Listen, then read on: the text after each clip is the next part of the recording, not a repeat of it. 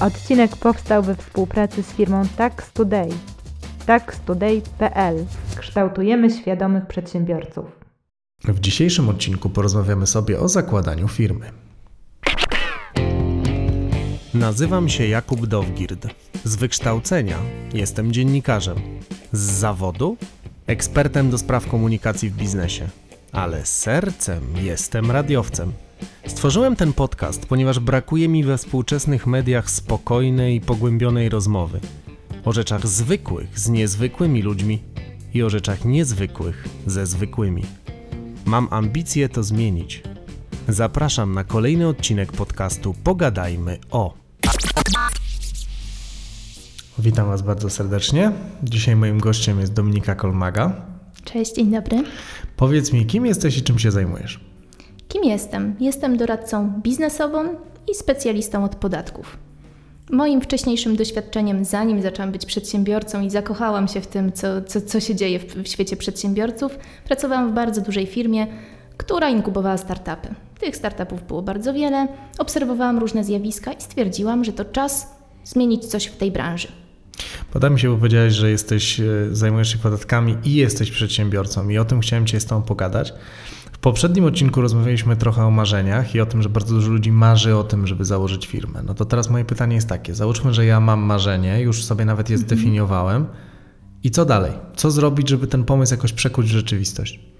Po pierwsze, kartka papieru, długopis i chwila ciszy. Zamykamy się wieczorem w pokoju, siadamy i planujemy. Przedsiębiorca powinien nawy nawyknąć do planowania. To jest bardzo istotne. Jest ku temu bardzo, bardzo dobre narzędzie, nazywa się model Business Canvas. Ten model jest bardzo prosty. Zajmuje nam jedną kartkę A4. To jest dziewięć pozycji, które musimy wypunktować w momencie, kiedy mamy już pomysł biznesowy. Omówimy sobie pokrótce, co w którym musi się znaleźć. Kiedy już wykonamy ten biznes model Canvas, mamy bardzo dobry background do tego, żeby udać się do konkretnych instytucji, otworzyć firmę, taką już bardzo zaplanowaną, konkretną i zweryfikować swój pomysł na biznes. No właśnie, a dlaczego to jest w ogóle istotne, żeby weryfikować pomysł na biznes? Zwykle, jeżeli ja mam pomysł, to on jest świetny i na pewno się uda. Trzymam kciuki za to, żeby tak było, ale zwykle okazuje się, że mamy konkurencję, o której na przykład nie pomyśleliśmy, a w dzisiejszej dobie, kiedy usług i towarów jest tyle, bardzo ciężko jest przekuć swój pomysł biznesowy w taki jedyny, niepowtarzalny, który od razu chwyci i od razu pojawią się klienci, którzy będą chcieli kupować od nas nasze towary i usługi. Więc istotnym jest zbadanie wcześniej wszystkich zjawisk, które mogą sprzyjać albo negować nasz bi biznes. Co może nam pomóc w takiej weryfikacji? Jakby z kim możemy ten nasz pomysł na biznes zderzyć? Po pierwsze, mamy doradców biznesowych, którzy wiedzą, jak podejść do biznes modelu Canvasu i w ogóle zaplanować cały proces zakładania firmy. A po drugie, mamy doradców podatkowych, którzy są bardzo istotni w firmie. I na początku, właściwie, kiedy mamy pomysł, ale raczkujemy sobie z tym pomysłem, gdzieś, gdzieś nam coś świeci w głowie, ale nie do końca wiadomo o co chodzi, dobrze jest się spotkać z osobą, która e, zna prawo podatkowe i która będzie w stanie nam podpowiedzieć, doradzić, żeby uniknąć później poważnych konsekwencji finansowych. A powiedz mi swojego doświadczenia, jakby i z, z Twojej kariery jako przy, przy przedsiębiorcy, e, czy Ty też zaczynając Twój biznes właśnie miałaś okazję go z kimś zweryfikować? I tak i nie. Miałam przyjemność współpracować z fantastycznymi doradcami biznesowymi, którzy są autorami ekosystemu startupowego w Polsce.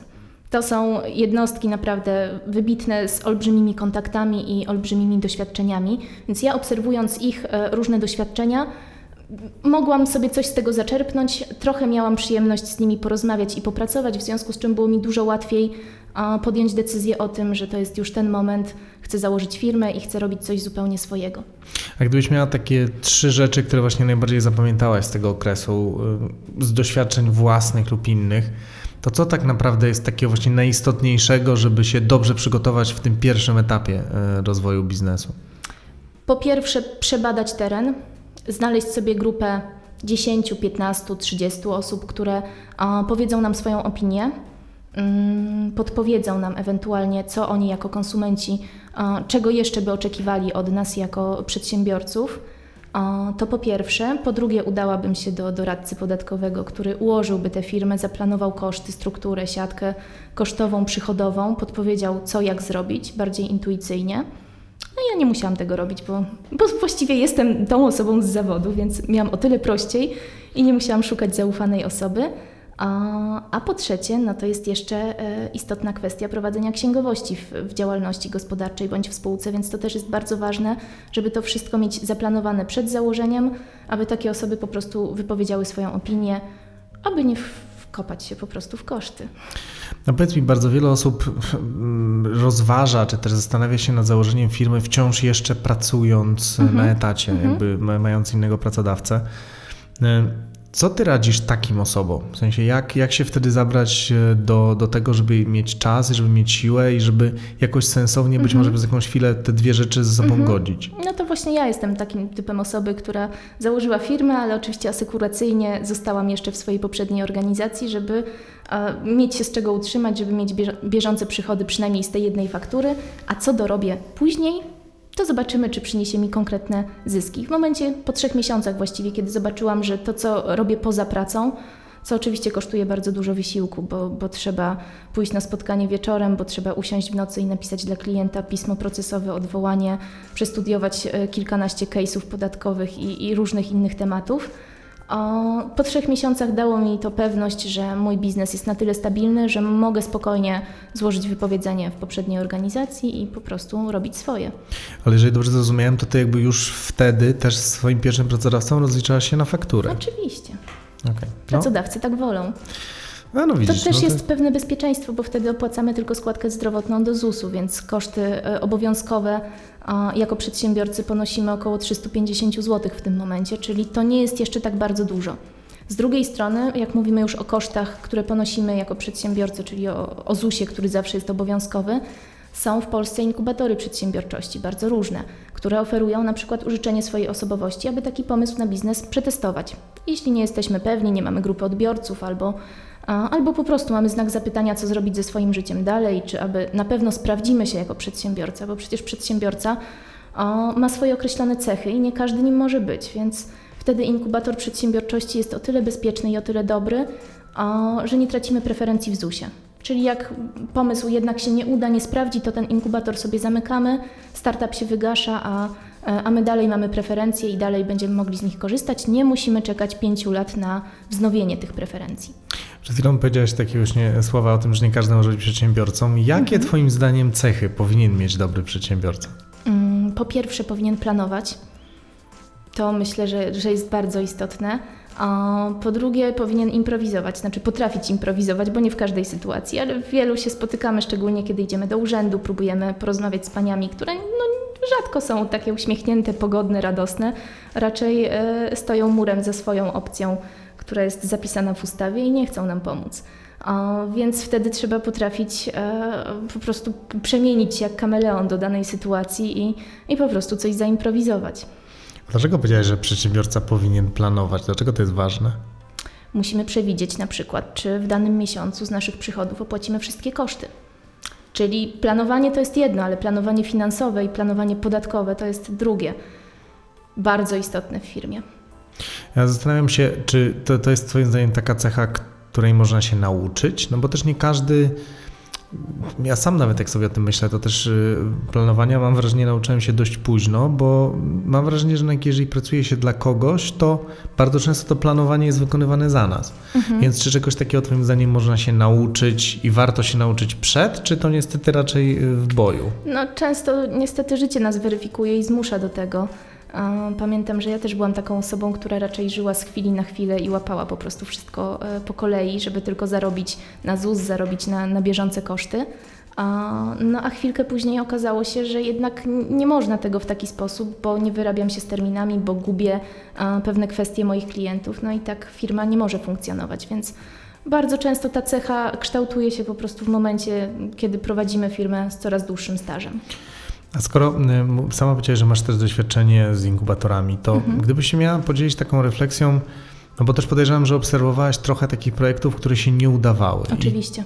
co było bardzo często przyczyną, albo co można było zrobić, żeby te projekty nie upadły? Jakie były błędy, które zostały popełnione? Inkubatory są dobrym rozwiązaniem dla osób, które faktycznie chcą zweryfikować pomysł biznesowy, ale niestety uczą kilku e, złych nawyków przyszłych przedsiębiorców.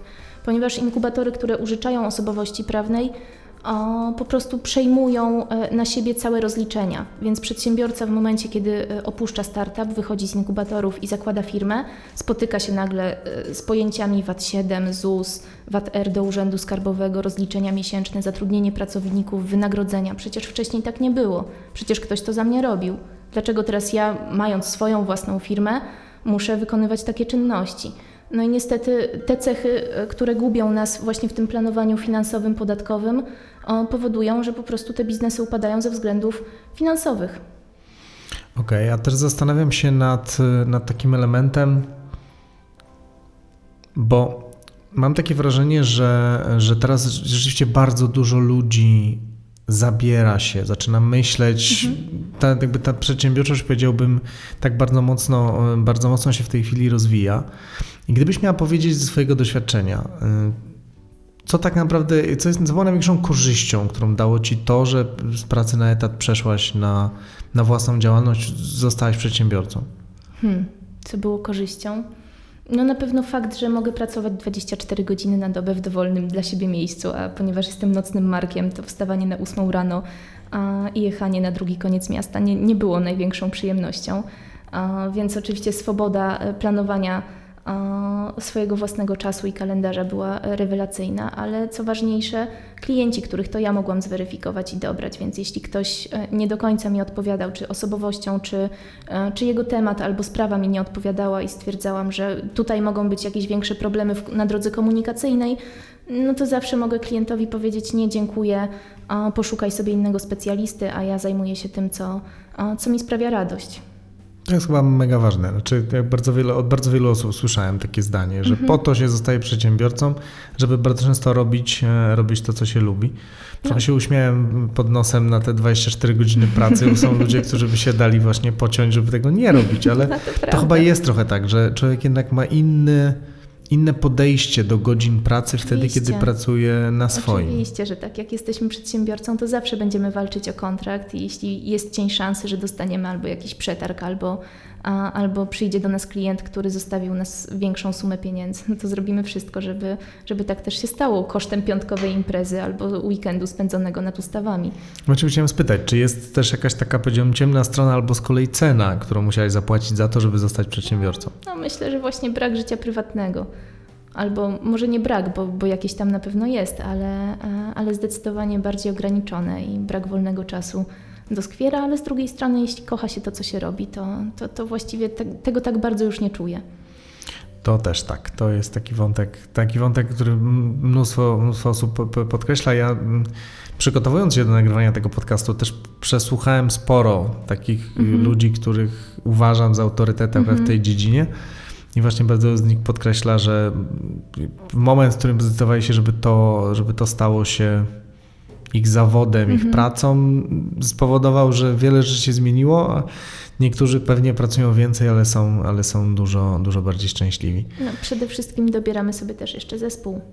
Zespół ludzi, których mamy wokół, którzy zwykle e, są dopasowani charakterem e, do naszego charakteru, a co moim zdaniem jest najbardziej istotne w pracy. Jeśli tworzymy taki klimat, w którym każdy z nas chce się rozwijać i każdy z nas chce pracować, no to, to można tylko lepiej i więcej. I to jest moim zdaniem bardzo dobra kropka e, do postawienia e, w tym odcinku. E, To był, słuchajcie, trzeci odcinek, jeżeli mnie pamięć nie myli. Nie, to był drugi, drugi. To był drugi odcinek podcastu Pogadajmy o.